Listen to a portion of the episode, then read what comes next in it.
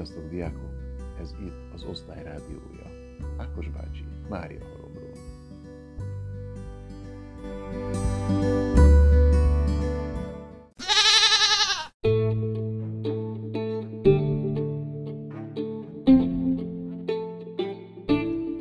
Jó reggelt!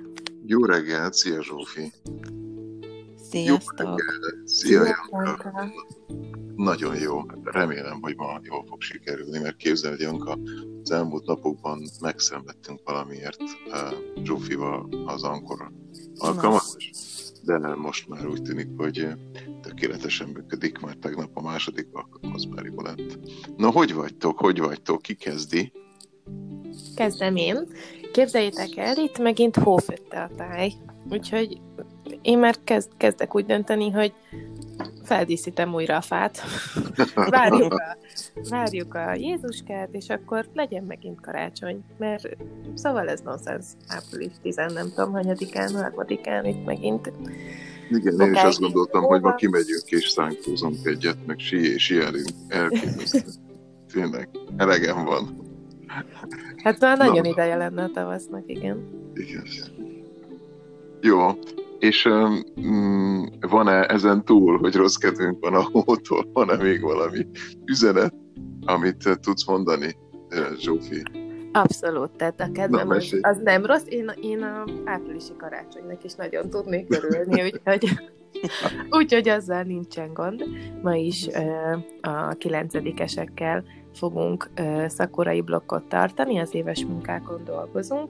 Ennek az előkészítése már tegnap elkezdődött, de nagyon ügyesen tudják felvenni a fonalat a gyerekek, szóval le a kalappal előttük, és tényleg minden, minden elismerés az övék, mert azért ő nekik ez már november óta tart, az nagyon-nagyon hosszú idő, és mégis abszolút ő, állják a sarat, és nagyon ügyesen helytállnak ebben a helyzetben, úgyhogy tényleg nagyon büszke vagyok rájuk, meg a sulin kívüli kis érettségizős bandámmal fogok ma még egy jó hosszút tanulni majd, mert nekik meg ugye vészesen közeledik az érettségi, most, hogy így átalakult a helyzet, és, és változott az, amire készülni kell, így most egy kicsit jobban belehúzunk, de nagyon lelkesek, nagyon kitartóak, úgyhogy tényleg csupa, csupa tündérkével kell dolgoznom, hála Istennek, úgyhogy nagyon, nagyon izgalmas lesz a mai nap is. Mekkora szerencséd van, hogy ilyen tündérek lesznek.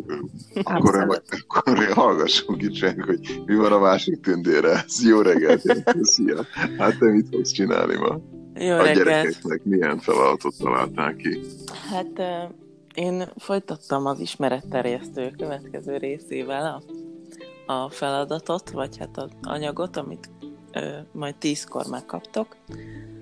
Ö, eddig ö, így megnéztük, hogy kb. mi történik így az 50-es évekig Amerikában a zenében, milyen új stílusok jönnek létre, és a soul múltkor már átléptünk a 60-as évekbe, és akkor most ezt a másik irányt, ami a 60-as évek elején kialakult, ami pedig a folk ö, stílus, vagy ezt az irányt ismerhetitek most meg. Ez ö, nagyon jellemzően a, a, a hippi korszaknak az egyik ö, olyan zenei ö, ö, vonala, ami ö, mindenféle politikai ö, ilyen ö, aktivistáknak is a, a himnuszai, lett, himnuszai, bocsánat, nem bírok rendesen fogalmazni. Szóval, hogy sok ö, himnusz született ekkora ezek, ezek, ezekre a felvonulásokra és tüntetésekre. Úgyhogy Volt, ez- volt olyan, aki ennek ilyen nagy alakja, akit ismer a világ most is? Szerintem abszolút, tehát a Bob Dylan volt az egyik leg Jó, ö, ilyen kiemelkedő alakja, róla is olvashattok, illetve rajta kívül még három ö, előadót, illetve formációt. Ö, De jó. Akkor azt én is végig fogom nézni, meg hallgatni. Nagyon-nagyon-nagyon jó. És itt a, ugye ez a folk kifejezés, ez ugye mi úgy fordítanánk le, hogy ez népi, de hogy Igen, igazából de az. nem az. Tehát, hogy ez inkább ilyen, ez az ilyen vidéki érzés, az egyszágitáros, abban folk, tehát abban népi, mint ahogy azt majd olvashatjátok is, hogy, hogy visszatérnek a, a régi blues és fehér ilyen telepeseknek az, elej, az első időszakból felvett zenéihez, dallamaihoz, tehát onnan inspirálódnak, de hogy semmi köze nincsen igazából a... Tehát ne, ne úgy gondoljatok rá, hogy mint ahogy lefordítanánk, hogy népzene, mert hogy nem az. Jó, szuper.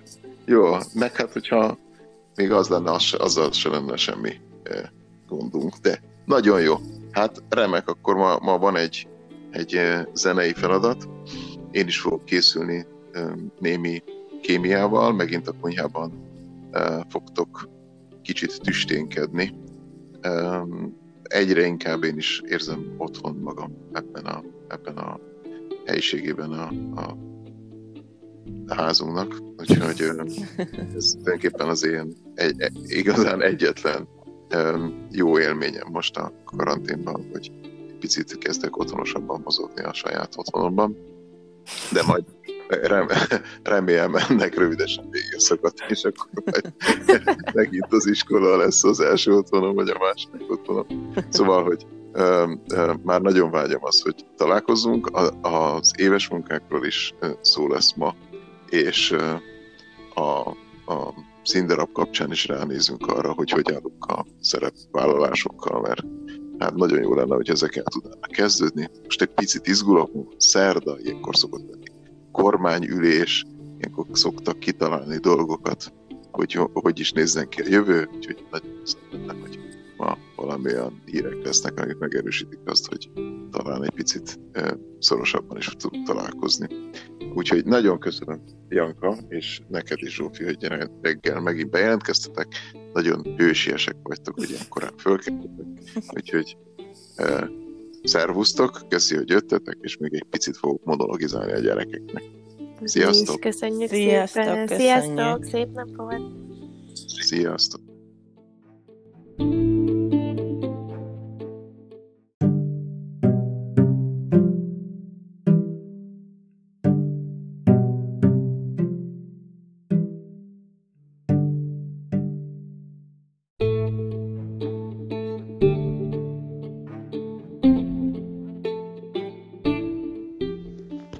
Sziasztok!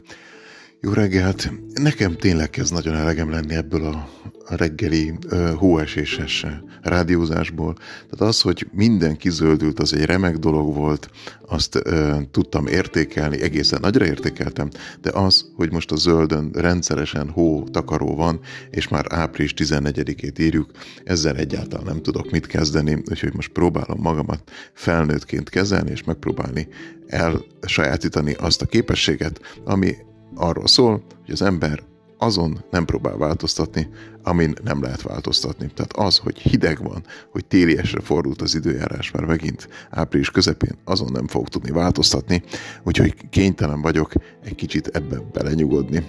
De pont ilyenkor, mikor ilyen nagy hideg van, ilyenkor nagyon jó, hogyha az ember nem fázik, és az, hogy az ember nem fázik, annak erős köze van a zsír tartalékaihoz. Ugyanis a zsír az kitűnően hőszigetel, és ilyenkor a magamfajta hőszigetelt emberek egy kicsit jobban tűrhetik azt a körülményt, ami most megjelent. Úgyhogy ma a kémiából elkezdünk egy kicsit foglalkozni az olajokkal és a zsírokkal. Ez két rokon csoport nagyon nagy közük van egymáshoz, és az nem csak az ember, hanem az állatok világában és a növények világában is nagyon sok helyen előfordulnak. Mi több, vannak bizonyos változatai, ugye, ami a, amik az ősi élővilágból fennmaradtak, és akkor hát azok egy picikét ilyen kőolaj névre hallgatnak, ami nem egészen olyan, mint a mi bennünk lévő zsírok, meg a növényekben lévő olajok, de azért mégiscsak van közöttük kémiai hasonlóság. Úgyhogy elkezdünk ezekkel foglalkozni. Nagyon sajnálom, hogy nem tudunk annyit kísérletezni, mint amennyit az iskolában tudnánk, de sajnos ezek a az anyagok nem feltétlenül alkalmasak arra, hogy nagyon intenzív kémiai kísérleteket végezzünk, viszont arra igazán alkalmasak, hogy az ember a konyhában használja őket.